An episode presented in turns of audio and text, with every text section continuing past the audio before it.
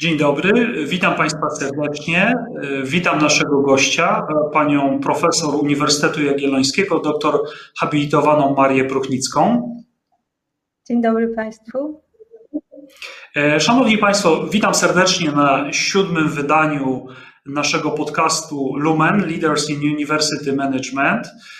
Dzisiaj będziemy dyskutowali problematykę dotyczącą zarządzania dydaktyką. No, nie dlatego ta problematyka znalazła się dopiero w siódmej edycji, że uważamy, że jest problematyką niekluczową, jest rzeczywiście fundamentalna, ale jakoś z kolejności tych zmian, które są wprowadzane w polskim szkolnictwie wyższym w związku z ustawą 2.0, wynikało w pewnym sensie, że to nie był prymat położony na zmiany przede wszystkim w sferze dydaktyki. Natomiast uważamy je za, za kluczowe, bardzo istotne.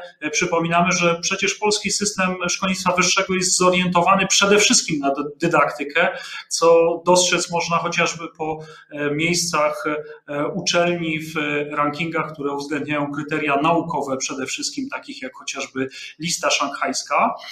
Dlatego, proszę Państwa, na dzisiejsze spotkanie zaproszenie przyjęła moja szanowna rozmówczyni, pani profesor Maria Jest sekretarzem Polskiej Komisji Akredytacyjnej, zatem osobą najbardziej kompetentną, jeśli chodzi o proces zarządzania dydaktyką.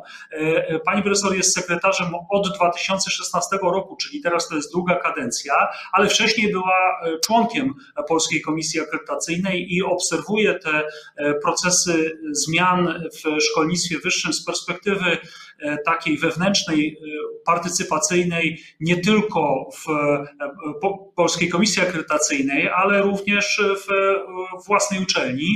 Pani profesor pełniła funkcję prodziekana do spraw rozwoju Wydziału Zarządzania i Komunikacji Społecznej Uniwersytetu Jagiellońskiego.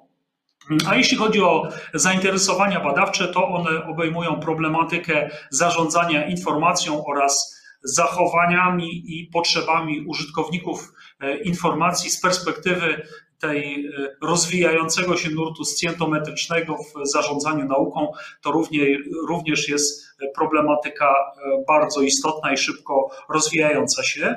Proszę Państwa, dzisiaj chcielibyśmy sobie porozmawiać o szeregu kwestii związanych z zarządzaniem dydaktyką właśnie, a więc nie tylko o kwestiach ustawy 2.0 i, i w jaki sposób udało się wdrożyć pewne zmiany, ale również o roli Polskiej Komisji Akredytacyjnej, oczywiście o wpływie pandemii na dydaktykę i proces zarządzania uczelnią w ogóle. Dlatego, proszę Państwa, pierwszą kwestią, którą chciałbym tutaj zaadresować do naszej szanownej rozmówczyni, jest kwestia zmian w obrębie zarządzania dydaktyką, które są pożądane w uczelniach. Zostały one zaplanowane w ramach ustawy 2.0, choć tak potwierdzam tutaj swoją opinię, że, że tam dydaktyka nie zajmowała jakiegoś najważniejszego miejsca, bo jednak była zorientowana przede wszystkim na oś zarządzania nauką, ale jednak istotne zmiany dotyczące policzalności uczelni również w sferze dydaktyki, odejście od minimów kadrowych, taka zmiana w obrębie karier akademickich pozwalająca na specjalizację nie tylko w ramach nauki, ale już w ramach dydaktyki. No, chociażby stanowisko profesora dydaktyki w uczelniach. Szereg zmian zostało tutaj zaprojektowanych w obrębie ustawy 2.0. No i pani profesor, pojawia się pytanie, co nam z tego zostało? Jakie zmiany udało się zrealizować? Które z tych zmian są pożądane, a jakie widzielibyśmy w perspektywie? I czy jesteśmy w stanie silić się tutaj już na jakąś reasumpcję od tych no, ponad dwóch lat od wprowadzenia ustawy 2.0 właśnie w sferze zarządzania dydaktyką? Bardzo proszę. Ja bym powiedziała, że myśląc o reasumpcji, chyba powinniśmy jednak powiedzieć o niewykorzystanych szansach od, na początku. I taką najbardziej niewykorzystaną szansą w moim przeświadczeniu jest niewykorzystanie tej możliwości, którą niesie prowadzenie kierunku studiów czy studiów na określonym kierunku przez uczelnię. W mojej ocenie aktualnej sytuacji, tego co widzę także no, z perspektywy ocen, które są dokonywane przez Polską Komisję Akredytacyjną, w ramach tych ocen no, zajmujemy się także kwestią odpowiedzialności za prowadzenie studiów na określonym kierunku. Nie, nie, nie wykorzystano tej szansy, to znaczy ciągle obserwuję taką silosowość. To nie znaczy, że to, to się nigdzie nie zadziało, ale w większości uczelni jednak te kierunki studiów przypisane do wydziału, tak jak to kiedyś było, czyli tej podstawowej jednostki organizacyjnej uczelni, pozostały. Tymczasem prowadzenie studiów na, na określonych kierunkach przez uczelnię niesie na przykład takie możliwości jak no takie, nie wiem, czy można tak powiedzieć, bo, nie zabrzmi to dobrze, bo nie wiadomo, co to znaczy mniej czy bardziej strategiczne, ale daje możliwości po prostu strategicznego planowania oferty dydaktycznej, znacznie lepszego wykorzystania potencjału kadrowego uczelni, znacznie lepszego wykorzystania infrastruktury uczelni. O wiele większe możliwości realnego wyboru kierunku studiów, realnego wyboru modułów oferowanych w ramach programu, czyli indywidualizacji, personalizacji ścieżki kształcenia, o co tak mocno przecież zabiegają, zabiegają studenci. Dysponujemy całym potencjałem uczelni i możemy tym potencjałem gospodarować. Nie, jest dla mnie zastanawiające, dlaczego jednak w większości uczelni, bo w niektórych stało się tak, że, że one powstały. Czy to na wzór, czy w powiązaniu z radami dyscyplin, nie powstały może nawet nie tyle dyscyplinarne takie kolegia dotyczące kierunków studiów, czy, czy gospodarujące kierunkami studiów powiązanymi z danymi, z danymi dyscyplinami, przyporządkowanymi do danych dyscyplin, czy nawet może kolegia dziedzinowe, które zarządzałyby kształceniem na kierunkach, zarządzały od planowania, zaczynając na zapewnieniu doskonalenia jakości, kończąc, zarządzałyby ofertą dydaktyczną w zakresie danej dziedziny. Nie, nie widzę zbyt wielu takich rozwiązań, a uważam, że jest to szansa niewykorzystana, i, ale też myślę, że jest to też szansa na, na to, aby w dalszym rozwoju, tutaj słusznie pan profesor podkreślił, że ten pie, pierwsze zainteresowanie i pierwszy pierwszy fokus, pierwsze zogniskowanie uwagi, to było jednak zogniskowanie uwagi na wszystkich tych kwestiach, które są związane z nauką. Być może teraz przyjdzie czas na refleksję dotyczącą reorganizacji dydaktyki na uczelni, co jest kwestią niezwykle pożądaną. Drugą kwestią, która tutaj też została zasygnalizowana, to jest kwestia dotycząca zniesienia minimum kadrowego. To było niewątpliwie słuszne posunięcie. Minimum kadrowe nie było instytucją, która byłaby instytucją efektywną w tym sensie, że ona rzeczywiście zapewniała istnienie takiej grupy osób, która odpowiada za kierunek merytorycznie w uczelni. Ale też z drugiej strony wydaje mi się, że w ustawie jednak Niektóre kwestie zostały potraktowane bardzo rygorystycznie, natomiast niestety inne kwestie, te, które są związane z wymaganiami kwalifikacyjnymi odnoszącymi się do osób, które mogą prowadzić studia na poziomie wyższym, prowadzić zajęcia na tych studiach, nie zostały rozwiązane w sposób zadowalający. Tutaj została pozostawiona bardzo duża swoboda czy autonomia uczelniom w tym zakresie. która no, nie służy w moim przeświadczeniu jakości, jakości kadry ponieważ umożliwiło to, to nie będzie popularne, co powiem, ale uważam, że powinnam to powiedzieć, także z racji mojego doświadczenia i obserwacji związanej z działalnością w Polskiej Komisji Akredytacyjnej, pozwoliła czy umożliwiła uczelniom bardzo łatwe tworzenie nowych kierunków studiów, szczególnie studiów na poziomie drugiego, na studiów drugiego stopnia, przy jednoczesnym angażowaniu do prowadzenia zajęć na tych studiach osób, które no wielokrotnie nie posiadają kwalifikacji, które umożliwiają prowadzenie zajęć na kierunku studiów na poziomie wyższym. To znaczy, no, obserwujemy na przykład w wielu przypadkach rezygnację z prowadzenia zajęć przez, czy powierzania zajęć osobom, które posiadają dorobek naukowy istotny.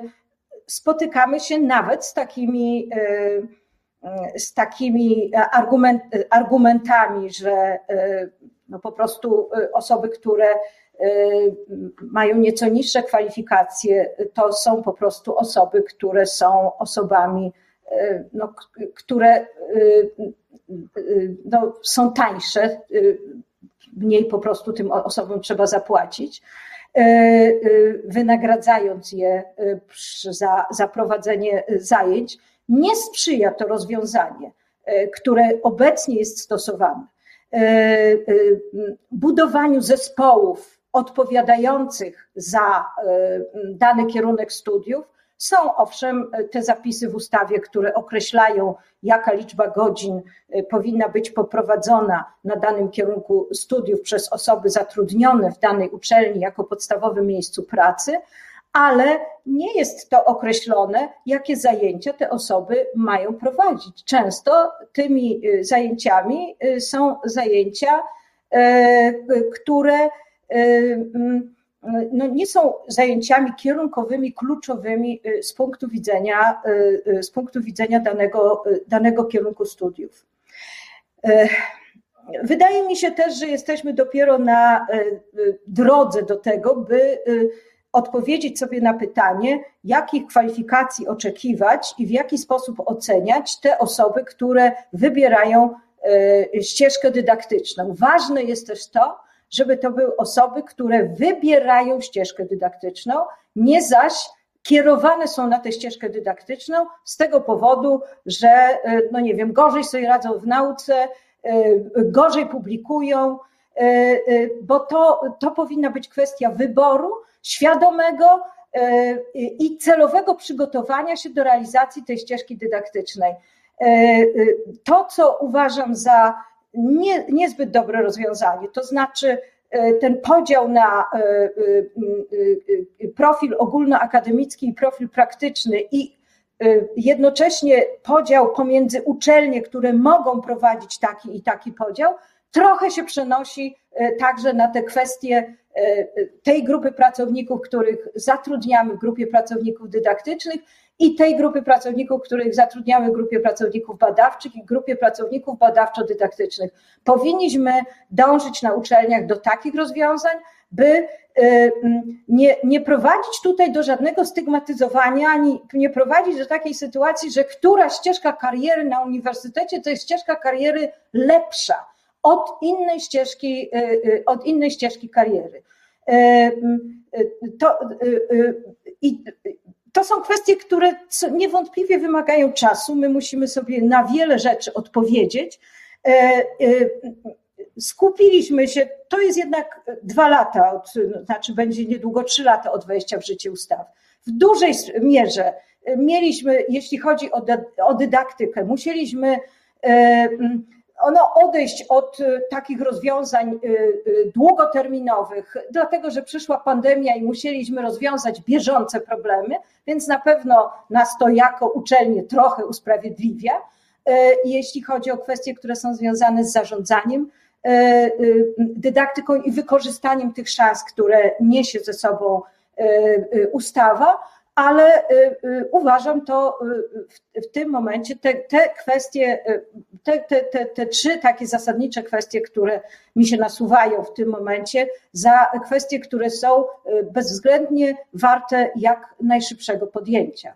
Podsumowując, jest to kwestia autentycznego wykorzystania i tego rozwiązania, które powoduje, że to już nie jednostka organizacyjna uczelni, tylko uczelnia odpowiada za ofertę dydaktyczną w całości i także jeśli chodzi o jej indywidualne kierunki, bo prowadzi te kierunki studiów, to jest kwestia bardziej jasnego i precyzyjnego określenia wymagań kwalifikacyjnych. Ja nie twierdzę, że to powinno się odbyć na poziomie ustawy, ale w ustawie, moim zdaniem, powinno się znaleźć roz, e, zobowiązanie w stosunku do uczelni, aby one określiły wymagania kwalifikacyjne, które są potrzebne do tego, by e, powierzać określone zajęcia określonym, określonym osobom. I wreszcie kwestia związana z,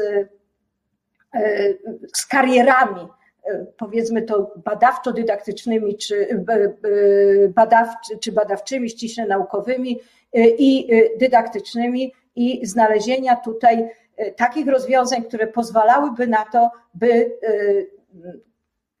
rozpoczynać tę ścieżkę w sposób świadomy.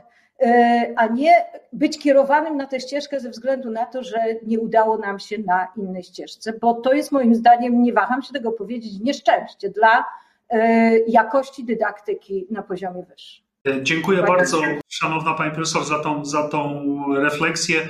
Rzeczywiście w duchu humboldtowskiego modelu uniwersytetu to sprzężenie dydaktyki z nauką było nierozłączne. Natomiast e, mając do czynienia z uniwersytetem przedsiębiorczym, to jednak e, nurtem jest dywersyfikacja strategiczna, wobec której rzeczywiście różne typy karier dydaktyczne, naukowe, a może i e, organizacyjne czy związane z wdrożeniami powinny być równie ważne z punktu widzenia uczelni. Oczywiście w zależności od tego, jaką misję, jaki typ uczelnia reprezentuje. Także bardzo byśmy chcieli jakby oderwać się od tego spojrzenia, że, że istnieje tylko jedno prawidłowe rozwiązanie w postaci sprzężenia tej nauki z dydaktyką. Takie również istnieje, ale to przecież jest e, jedno z wielu możliwości w tym rzeczywiście zróżnicowanym świecie e, uczelni. E, dziękuję Pani Profesor za tą refleksję krytyczną i, i, i ważny taki ogląd z wewnątrz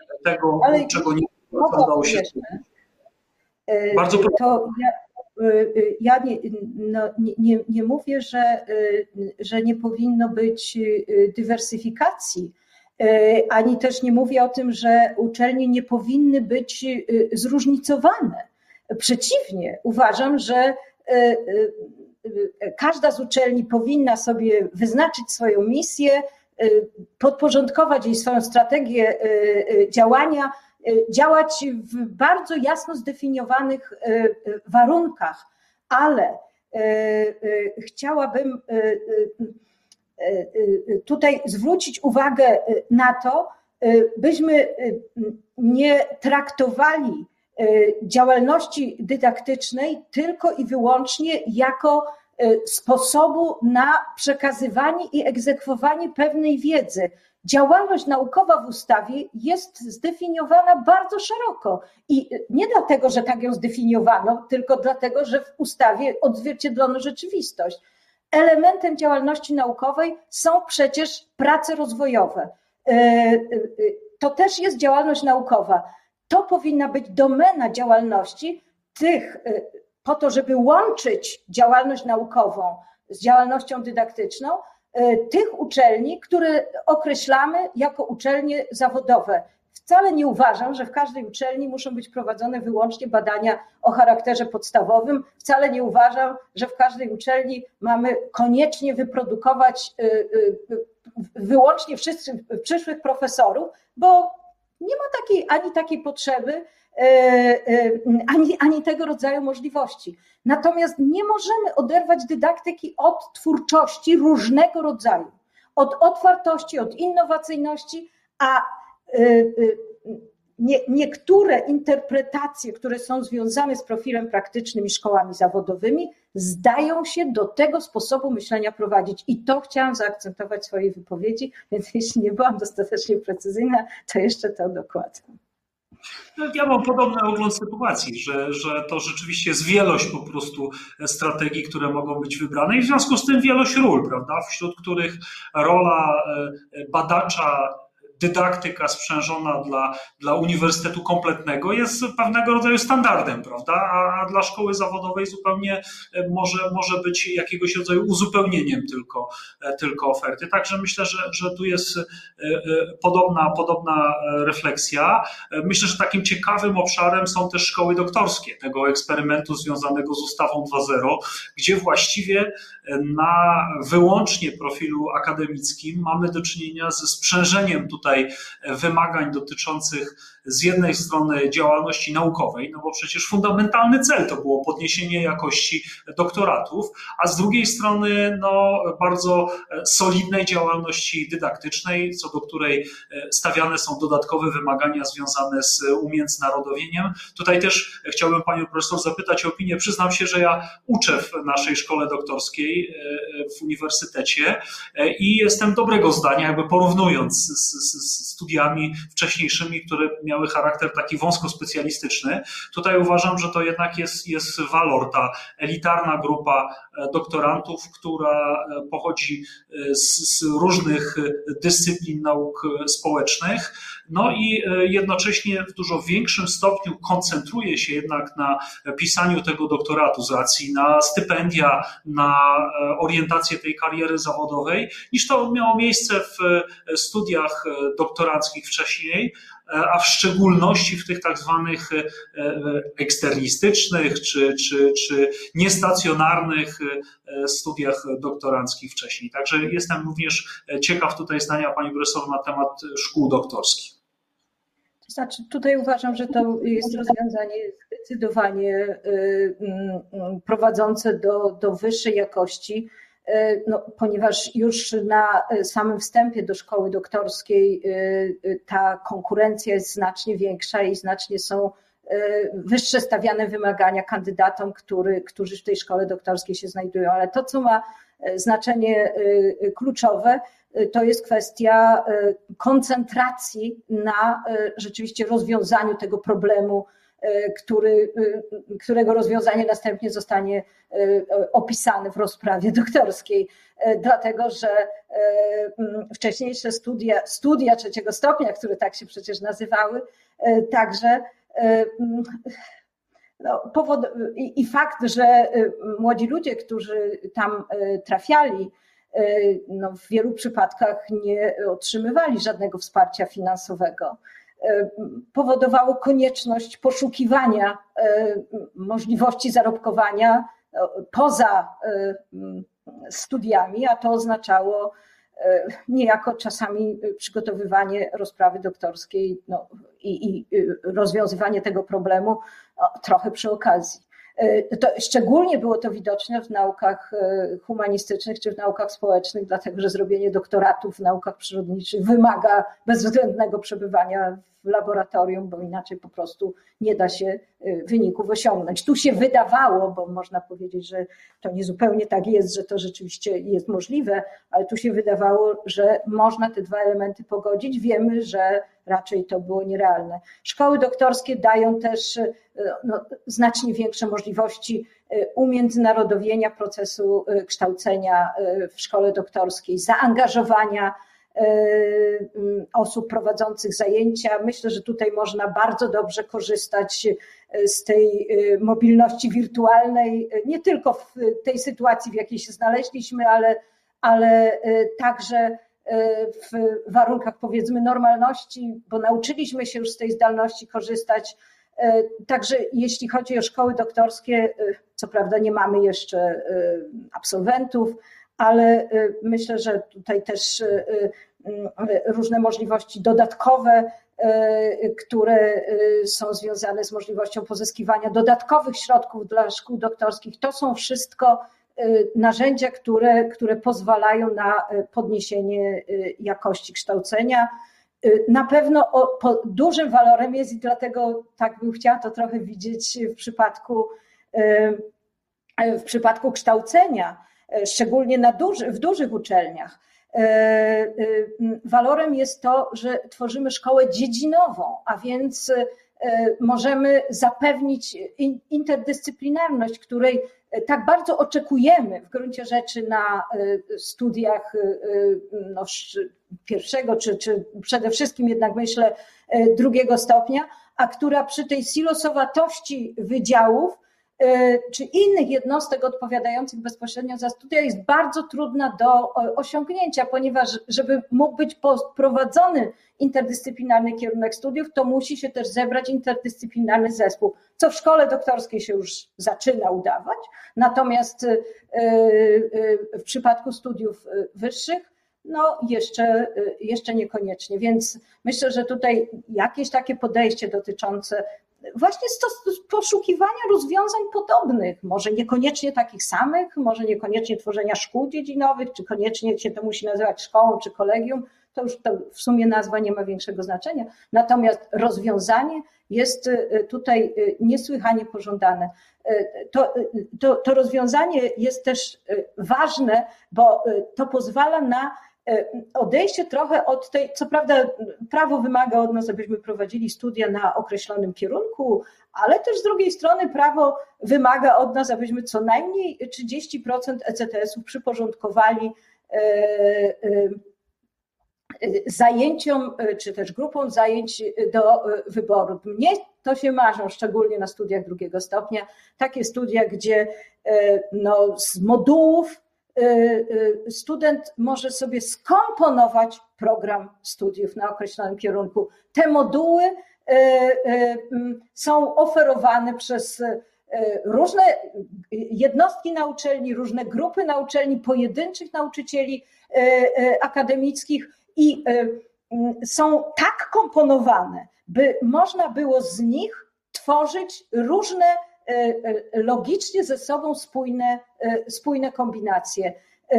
Tak, tak bym to chciała w przyszłości, w przyszłości widzieć. Nie jako wybór polegający na tym, że mam jakąś grupę zajęć i ja z tych zajęć sobie jakieś wybieram, tylko mówiąc e, obrazowo, z pewnych klocków buduje budowlę, która jest budowlą e, przemyślaną i prowadzącą do określonego, e, określonego celu. Takie rozwiązanie też nam oferuje ustawa, która przecież daje nam szansę na to, byśmy przyjęli studenta na określony kierunek studiów dopiero od drugiego roku studiów, a więc on może przyjść do uczelni i najpierw tej uczelni sobie trochę pomacać, zanim e, zanim podejmie decyzje dotyczące tego, w którym kierunku pójdzie, w jaki sposób sobie tę ofertę kształcenia samodzielnie skomponuje z tego, co mu uczelnia ma do zaoferowania, zarówno jeśli chodzi o kształcenie ogólne, takie wprowadzające jakieś nowe, nie wiem, trivium albo quadrivium, a później się trochę a później będzie miał możliwość ukierunkowania się. Jeśli chodzi o uczelnie zawodowe, to tutaj jest niewykorzystana absolutnie jak na razie szansa tego kształcenia na piątym poziomie, kształcenia specjalistycznego, które też dawałoby szansę mm, na to, by młody człowiek przychodzący do uczelni najpierw mógł no, trochę tak popróbować tej uczelni, zanim podejmie określoną, określoną decyzję. My mu często nie, temu kandydatowi na studia nie dajemy takiej szansy. Mało tego, zabijamy go jeszcze jednym, to znaczy tego kandydata na studia. Zabijamy go niesłychanie rozdrobnioną ofertą, która podlega nieustannym zmianom. To powiem Państwu z, do, z, doświadczenia Polskiej Komisji Akredytacyjnej, która ustawowo jest zobligowana do tego, by opiniować wnioski o pozwolenie na utworzenie studiów. Co roku opiniujemy około 300 wniosków o pozwolenie na y, utworzenie studiów. Ktoś, kto przychodzi do liceum, y, y, to poza oczywiście tradycyjnymi kierunkami, to y, gdyby y, chciał się na coś zdecydować, to prawdę powiedziawszy, jak będzie już po tych y, czterech latach kształcenia w szkole licealnej, to się stykał z zupełnie innym niż to, przychodząc, przychodząc do liceum. Chciałbym, że przy takim zarządzaniu ofertą dydaktyczną celowym, świadomym zarządzaniu na poziomie uczelni, e, można by też było trochę tę ofertę ustabilizować w większym stopniu, e, dokonując zmian w tych modułach, z których możemy sobie składać poszczególne programy, niż dokonując zmian w obrębie tych kierunków, które, które są kandydatowi, kandydatowi oferowane. Naprawdę kandydat dzisiaj stoi przed, y, y, to jest, y, w Polonie mamy zarejestrowanych, nie wiem, kilka tysięcy, około pięciu czy sześciu tysięcy kierunków studiów. To jest, my, my, sami siedząc na uczelniach od kilkudziesięciu lat zaczynamy mieć problemy z orientowaniem się w tej ofercie, a co dopiero ma zrobić biedny maturzysta, który staje przed wyborem w tym, no, w tym potężnym w, tej, w tym potężnym e, e, zbiorze, e, no, który też często, to jest osobna historia, opisany jest bardzo trudnym do zrozumienia językiem. Dziękuję bardzo. Tutaj podzielam zdanie e, pani profesor, że mamy problem z, tą, z tym rozdrobnieniem, z taką analityczną perspektywą. Brak nam tutaj syntetycznego spojrzenia. W systemie anglosaskim jest to rozwiązanie major-minor, prawda? Że, że programy są najróżniejsze, e, jest tam różnorodność, jeśli chodzi o, o e, dobór modułów, na które składają się rzeczywiście specjaliści w pewnych wąskich obszarach, ale no, to jakby te, ten, domin, ten dominujący obszar kształcenia i ten, który jest uzupełniający, on nadaje kanon i, i, i dzięki temu właśnie możliwe jest takie spojrzenie ogólniejsze i wybory też no, nieco mniej zorientowane na taką bardzo głęboką specjalizację. Myślę, że warto promować takie rozwiązanie i stąd tutaj moje pytanie o rolę Polskiej Komisji Akredytacyjnej ja mam swoje doświadczenia tutaj jako, jako członek e, PKA, e, później wiceprzewodniczący do spraw międzynarodowych PKA. Przypominam sobie taką bardzo ważną zmianę, która następowała, a mianowicie odejście od trochę takiego modelu e, kontrolera do modelu opartego na ocenie eksperckiej, która nie ma charakteru bardzo formalnego, ale, ale ma charakter koleżeński, peer review, wymiany doświadczeń. Myślę, że to się, to się w dużej mierze udało zrobić, ale rodzi się tutaj szereg pytań o tą zmianę, która się dokonuje. No, z perspektywy ustawy 2.0 na przykład mamy do czynienia z ocenami programowymi, ale również z oceną kompleksową. Jak to będzie wyglądało, pani profesor? Jakie są tutaj zamiary, jeśli chodzi o Polską Komisję Akredytacyjną? Bardzo mnie też interesuje tutaj perspektywa umiędzynarodowienia PKA, te wymagania związane z ENKą, Equarem, e, akredytacjami międzynarodowymi. E, no i wreszcie kwestia, e, jak radzi sobie Polska Komisja Akredytacyjna z, z, z dalnymi akredytacjami, bo przyznam się, że mam tutaj doświadczenia już swoje covidowe w dwóch akredytacjach międzynarodowych które były realizowane całkowicie zdalnie w wrześniu, październiku e, zeszłego roku i to jeszcze było takie doświadczenie e, organizacyjne uczenia się pewnych procesów. To nie była akurat Polska Komisja Akredytacyjna, tylko, tylko inna e, agencja. I z kolei po drugiej stronie, już jako pracownik uczelni, wizytacje w, w uczelni, gdzie no, ten proces był już mocno ustrukturyzowany i uporządkowany, ale to było w bieżącym roku. To też jest interesujące i myślę, że stanowi trochę takie przejście w kierunku kolejnego dużego zagadnienia, o które chciałem zapytać, a mianowicie o wpływ pandemii na dydaktykę. Bardzo proszę pani profesor, Polska Komisja Akredytacyjna. Jeśli chodzi o ocenę kompleksową, to jesteśmy no w pewnym na, na, na, takim etapie powiedzmy pewnego zastoju, dlatego że no jak na razie nie mamy rozporządzenia dotyczącego, dotyczącego kryteriów oceny, oceny kompleksowej. A to oznacza, a, a sama ocena kompleksowa, w, jeśli chodzi o zapisy ustawowe, no jest określona w sposób bardzo ogólny. Mogę powiedzieć, że mm, mm, bardzo by nam zależało na tym, aby móc rozpocząć prace dotyczące mm, oceny kompleksowej. No nie, nie, nie mogę nie powiedzieć, że pewne nasze dyskusje wewnętrzne dotyczące tej oceny samej komisji były prowadzone i my mamy no, pewne wyobrażenia co do tego, w jaki sposób ta ocena powinna być przeprowadzana i co powinno być przedmiotem oceny w jej trakcie. Mogę też powiedzieć, że no mamy pewną tęsknotę za oceną kompleksową, dlatego że rosnąca liczba kierunków studiów po prostu ogranicza nasze, nasze możliwości.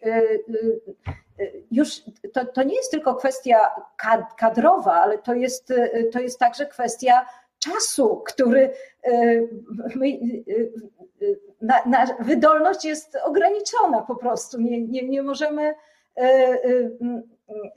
przeprowadzić dowolnie dużej liczby ocen programowych w danym roku, bo długość tego roku jest, jest ograniczona. To tylko tak tytułem pewnej egzemplifikacji, to powiem Państwu, że w tym roku Polska Komisja Akredytacyjna, no jeszcze, jeszcze kilka, znaczy kilkadziesiąt tych ocen jest do przeprowadzenia do końca czerwca, ale łącznie mamy zaplanowanych chyba 566 albo 567 ocen. Tutaj na początku pan profesor mówił, od kiedy jestem w Polskiej Komisji Akredytacyjnej, to takiej liczby nie pamiętam. Niewątpliwie to właśnie pandemia nam pozwoliła na to, to znaczy nie, nie tyle pandemia, co zdalna ocena, na to, by wykorzystać maksymalnie czas tak, żeby nadrobić ten okres, kiedy oceny programowe były zawieszone. Ale wracając do oceny, do oceny kompleksowej, to jest, to jest właśnie ta ocena, która by nam pozwoliła na to, by z jednej strony ocenić ten skuteczność systemu zarządzania zarówno samym dydaktyką, ofertą dydaktyczną procesem dydaktycznym w uczelni, w skali uczelni, a nie w skali pojedynczego kierunku studiów, co często jest trudnością. Odpowiedzenie sobie na pytanie też w trakcie oceny kiedy e, na przykład pojawiają się jakieś pewne zastrzeżenia czy wskazywanie na pewne niedomogi tego procesu zarządzania, to my słyszymy na, przy ocenie programowej, że no ale takie są rozwiązania stosowane na uczelni. E, I nie, my nie możemy jak gdyby na tym kierunku studiów zrezygnować z tego, co się, co się dzieje w uczelni. Więc myślę, że ocena kompleksowa byłaby właśnie tym e, i wyniki tej oceny byłaby bardzo dobrym wsparciem dla e, e, uczelni w poszukiwaniu wspólnym z ekspertami Polskiej Komisji Akredytacyjnej takich rozwiązań dotyczących zarządzania dydaktyką, bo uniwersalnych przecież nie ma, które pozwoliłyby na znalezienie jak najbardziej skutecznych rozwiązań, pozwalających na to, by z jednej strony odpowiedzieć na potrzeby różnych grup interesariuszy, z drugiej strony w sposób optymalny do zaspokojenia tych potrzeb wykorzystać potencjał kadrowy i infrastrukturalny uczelni. Z innej jeszcze strony być może skierować uczelnie na nieco inne tory, jeśli chodzi o planowanie działalności dydaktycznej, zarządzanie tą działalnością i osiąganie skutecznych, skutecznych wyników. Oceny kompleksowej nam bardzo brakuje, także w kontekście w kontekście międzynarodowym. Myślę, że warto tutaj zwrócić uwagę na to, że ESG, szczególnie ta druga część odnosząca się do tego, tych, tych kwestii, które są związane z wewnętrznymi systemami zapewnienia jakości i oceną, oceną tych systemów, to, jest, to są w gruncie rzeczy standardy zapewnienia i doskonalenia jakości odnoszące się do oceny instytucjonalnej. Tam występują pewne elementy oceny, czy, czy oceny kompleksowej, jak chcemy to. Występują tam oczywiście pewne elementy, które są związane z oceną programową, ale one się odnoszą do tego, w jaki sposób właśnie ta y, oferta programowa jest y, projektowana, kto w tym projektowaniu uczestnicza, więc to są wszelkie te kwestie, które są związane y, z oceną, które są związane z oceną instytucjonalną czy z oceną kompleksową.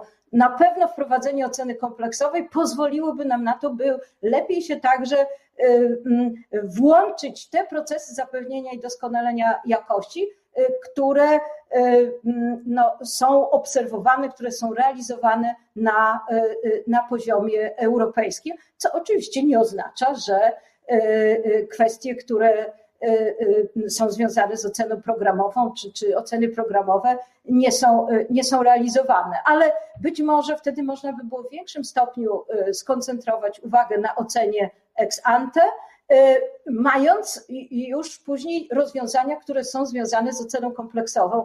Ale e, e, tutaj, proszę Państwa, ja nie tyle mówię o planach Polskiej Komisji Akredytacyjnej w tym, w tym zakresie, co mówię po prostu o tym, jak ja myślę, że można by było te kwestie rozwiązywać, no, szukając też coraz większej spójności z tym, co się dzieje w europejskim obszarze szkolnictwa wyższego i z tym, co się dzieje w zapewnianiu w zapewnianiu y, jakości w tym, w tym obszarze, gdzie te elementy oceny instytucjonalnej, jak tutaj powiedziałam, y, mają, y, mają ogromne, ogromne znaczenie. Co do kwestii, które, które są związane, jeszcze wracając do oceny kompleksowej, to co uważam, że jest bardzo ważne w ocenie kompleksowej, to jest to, że uczelnie E, same występują o to, by ta ocena kompleksowa została, została przeprowadzona. I wydaje mi się, że w tej procedurze oceny kompleksowej byłoby bardzo pożądane uwzględnienie takiego etapu, który pozwoli uczelni powiedzieć występującej z wnioskiem, czy jest, czy też nie jest gotowa do tego, i tutaj bym widziała bardzo dużą rolę wspierającą Polskiej Komisji Akredytacyjnej. E, e, ja e, ciągle uważam i zawsze byłam zwolenniczką takiego rozwiązania, by komisja akredytacyjna była przede wszystkim instytucją wspierającą uczelnie działające w systemie szkolnictwa wyższego w dążeniu do zapewnienia, zapewnienia jakości. I odkąd jestem i dopóki będę e, w Polskiej Komisji Akredytacyjnej, to ten model oceny e, chciałabym, e, chciałabym preferować i stosując jakiekolwiek wewnętrzne rozwiązania, projektując je, planując, tak chciałabym o, o, o ocenie myśleć. No, wprowadzając też coraz więcej tego rodzaju, tego rodzaju elementów, to znaczy pokazując, Y, y, y, czy, czy, czy przedstawiając także przykłady dobrych praktyk, także w zakresie różnych rozwiązań dydaktycznych, także w zakresie projektowania programów studiów. Tutaj dla mnie takim punktem odniesienia zawsze są te tak zwane benchmark statements, które są tworzone przez brytyjską agencję QAA, odnoszące się, to nie są, to, to, to nie są standardy dla kształcenia w poszczególnych zakresach, ale to są właśnie e, e, takie przykłady dobrych praktyk dotyczących tego, w jaki sposób można by było e, program ukształtować, jednocześnie niczego nie narzucając żadnym, wydaje mi, żadnej uczelni. Wydaje mi się, że to jest taki, taki dobry punkt pośredni pomiędzy standardami, no, które poza, poza określonymi sytuacjami nie są dobrym rozwiązaniem. E, e, I, e, I jednocześnie w niektórych przypadkach brakiem wsparcia dla uczelni w odniesieniu do tego, jak zaprojektować program studiów na, na określonym, określonym kierunku. Wydaje mi się, że te benchmarki byłyby tutaj takim bardzo dobrym rozwiązaniem. Oczywiście one powinny być wypracowane środowiskowo przy ewentualnym wsparciu PKA. Także tutaj te kwestie, które są związane ze wspierającą rolą Polskiej Komisji Akredytacyjnej, uważam za jeden z kluczowych elementów takiego strategicznego e, rozwoju, e, rozwoju e, PKA. Wydaje mi się zresztą, że to jest bardzo potrzebne, czego między innymi dowodzą, dowodzi zarówno powodzenie webinariów, które są organizowane przez Polską Komisję Akredytacyjną, jak i ogromne powodzenie forum, które przeprowadziliśmy, które zorganizowaliśmy przed paroma dniami, w którym uczestniczyło blisko 1300 uczestników. Nigdy takiej, takiej, tak wielkiej, takiego wielkiego przedsięwzięcia też nie, nie udało się nam zorganizować, ale to też świadczy o tym, jak wielka jest potrzeba rozmowy, wymiany doświadczeń, promowania dobrych praktyk w tym zakresie. Wracając do tego, jak pandemia wpłynęła na Polską Komisję Akredytacyjną, to no to muszę to powiedzieć y, y, i, i, i wynika to y, mimo wszystko, że, że się samo, nie się, tylko Polską Komisję Akredytacyjną samo pochwalę, to ma to odzwierciedlenie w rzeczywistości. To znaczy uważam, że Polska Komisja Akredytacyjna znakomicie sobie poradziła w tym okresie bardzo trudnym, ale też, e, proszę Państwa, myślę, że biorąc pod uwagę tę nagłość tych wszystkich działań, które były podejmowane, to też i uczelnie sobie w rozwiązaniu bieżących problemów, bo przecież nie, nie, możemy tutaj mówić, że mieliśmy szansę na to, by pomyśleć tak, że w, mamy szansę i myślimy, ale żeby już wszystkie rozwiązania zaplanować w odniesieniu do Y, y, długofalowych i perspektywicznych y, planów. Wybraliśmy moim zdaniem dobre, dobre rozwiązanie. W bardzo krótkim czasie udało nam się przygotować organizacyjnie i technologicznie. W krótkim czasie udało się nam także przygotować no, naszych członków i ekspertów do włączenia się do, tej, do tego nowego trybu pracy. Bardzo pozytywnie zareagowały uczelnie, angażując się, interesując się, pytając, na co my też staraliśmy się odpowiadać informacją zwrotną, wspierając uczelnie. Myślę też, że no wielu, wiele, wiele doświadczeń, które zostały wyniesione y, z y, tego okresu pandemii y, w Polskiej Komisji Akredytacyjnej, dotyczących przede wszystkim tych kwestii o charakterze takim organizacji pracy, powinno zostać w PKA utrzymanych. Dlatego, że to po, po prostu zwiększa E, skuteczność naszej pracy i pozwala nam na e, wykorzystanie tego czasu, który był e, przeznaczany na, no, na to, żeby spędzać ten czas w pociągu, przemieszczając się z jednego końca Polski na drugi, by ten czas wykorzystać na, na, działania, na działania merytoryczne. To jest no ile możemy mówić o pewnych korzyściach z pandemii, to możemy powiedzieć, że przećwiczyliśmy pewne takie rozwiązania organizacyjne, które były nam dostępne, a których w ogóle nie, nie stosowaliśmy. Chociażby wszystkie te rozwiązania, które dotyczą spotkań, zespołów, posiedzeń prezydium Polskiej Komisji Akredytacyjnej, to przecież były takie działania, no, które każdemu, kto, kto także i pan profesor miał, współpracował z Polską Komisją Akredytacyjną, to wie, że to zajmuje bardzo dużo czasu. No, owszem, można w tym pociągu coś robić, no ale trudno też powiedzieć, że, że można robić to naprawdę tak dobrze i tak efektywnie, jak robimy pewne czynności przy swoim własnym biurku. Wobec czego, proszę Państwa, bardzo się też dzięki temu uważam, przyspieszyły różnego rodzaju procedury, które są związane z tempem przygotowywania raportów. Mówię tutaj o takiej stronie trochę od kuchni, ale wydaje mi się, że nawet nie to jest tak ważne, że, że, że ten proces opanowaliśmy, tylko że zaakceptowaliśmy istniejące rozwiązania. Szczególnie na początku, często ja sama do siebie mówiłam, no, po co wykonywałam całe mnóstwo różnych czynności, skoro mogłam zrobić to zdalnie i osiągając ten sam efekt, a czasami nawet, nawet lepszy. Więc tak, tak, bym to, tak, tak bym to widziała.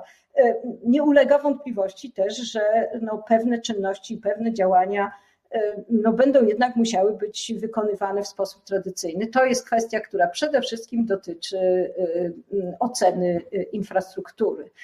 To jest też kwestia, która dotyczy obecności na zajęciach. Mamy też przecież bardzo różne kierunki studiów, no nie wszystkie opierają się tylko i wyłącznie na dyskusji czy na przygotowywaniu prac pisemnych, więc do pewnych czynności, jeśli to tylko będzie możliwe, to oczywiście powrócimy. No i jeszcze raz mówię, tęsknimy za oceną kompleksową. Mamy nadzieję, że stosunkowo szybko te także warunki zewnętrzne nam umożliwią no, bardziej intensywne podjęcie prac w tym zakresie. Dziękuję bardzo. Pani profesor już poruszyła trochę zagadnień związanych z wpływem pandemii na dydaktykę i z tym pytaniem, co nam pozostanie z, z, tej pandemii, czy rzeczywiście przeszliśmy już do świata dydaktyki hybrydowej, odejdą do lamusa wielkie aule, formy podawcze, ta dydaktyka online już będzie w samym sercu, jeśli chodzi o, o kształcenie przez uczelnie wyższe, no co będzie z umiędzynarodowieniem kształcenia, prawda? Czy to przejdzie w formę otwartych spotkań, wykładów międzynarodowych, ale, ale online, jak pokazują badania z, z raportu Kreacji Perspektyw, to 40% studentów międzynarodowych deklaruje taką niepewność, prawda? Jednocześnie e, widać pewne trendy, oczywiście w postaci e, kształcenia online, elastyczności, jeśli chodzi o kształcenie i ofertę, no do budowania takiej, takiej stabilności organizacyjnej i, i emocjonalnej w warunkach niepewności, bo wydaje się, że, że to, co wywołała pandemia, to jest e, zmiana rewolucyjna, to jest zmiana, która przyspieszyła o dekadę również dydaktykę, jeśli chodzi o, o uczelnię. Jaka jest tutaj perspektywa pani profesor? Czy, czy nam ta trwała zmiana zakorzeni się, tak jak pani profesor pozytywnie ją oceniła w aspekcie dotyczącym akredytacji, czy w sferze dydaktyki i zarządzania dydaktyką z nią również pozostaniemy? Czy, w moim, w moim przekonaniu, ja uważam, że ona, że, że po prostu my musimy z nią pozostać, bo to oczywiście tylko od nas zależy, od nas, którzy odpowiadamy za dydaktykę, którzy ją organizujemy, czy my się zechcemy do świata dopasować, czy nie, ale świat nie będzie na nas czekał. I my musimy wziąć pod uwagę to, co się dokonało i no nie tylko się adaptować, ale przede wszystkim twórczo wykorzystać do proponowania rozwiązań dydaktycznych konkretnych konkretnych potrzeb związanych z kształceniem w różnych dziedzinach, w różnych dyscyplinach, na różnych, na różnych kierunkach studiów, ale też musimy brać pod uwagę i to w bardzo poważny sposób, te, to, to, te, to pokolenie i te, te grupy, które będą tutaj do nas przychodziły do uczelni, a które wychowały się przynajmniej częściowo i uczęszczały do szkoły w warunkach pracy, pracy zdalnej. I także przez stosunkowo długi czas funkcjonowały i funkcjonują nadal w środowisku zdalnym, także podejmując różnego rodzaju relacje międzyludzkie. Więc po, po prostu świat, tak jak to zostało przed chwilą powiedziane, w bardzo szybki sposób i no, trochę popychany uwarunkowaniami zewnętrznymi, może niekoniecznie było to, wynikało to tylko i wyłącznie z własnej woli, został no, niejako wprowadzony do tego środowiska wirtualnego. Bardzo wiele aktywności ludzkich przenieśliśmy do tego środowiska, nawet w takich sytuacjach, kiedy, których się nam wydawało, że tych aktywności do tego środowiska się przenieść nie da. Proszę Państwa, odbywaliśmy wizyty lekarskie, które się odbywały zdalnie, przenieśliśmy się z zakupami, przenieśliśmy się z uczestnictwem w kulturze. Dlaczego miałoby być inaczej z edukacją? Od pewnych rozwiązań, moim zdaniem, nie ma już powrotu, dlatego że zdalne środowisko stało się podstawową platformą komunikacyjną, a przecież proces edukacyjny, czy proces nauczania i proces uczenia się to przecież nie jest nic innego, jak także proces komunikacyjny.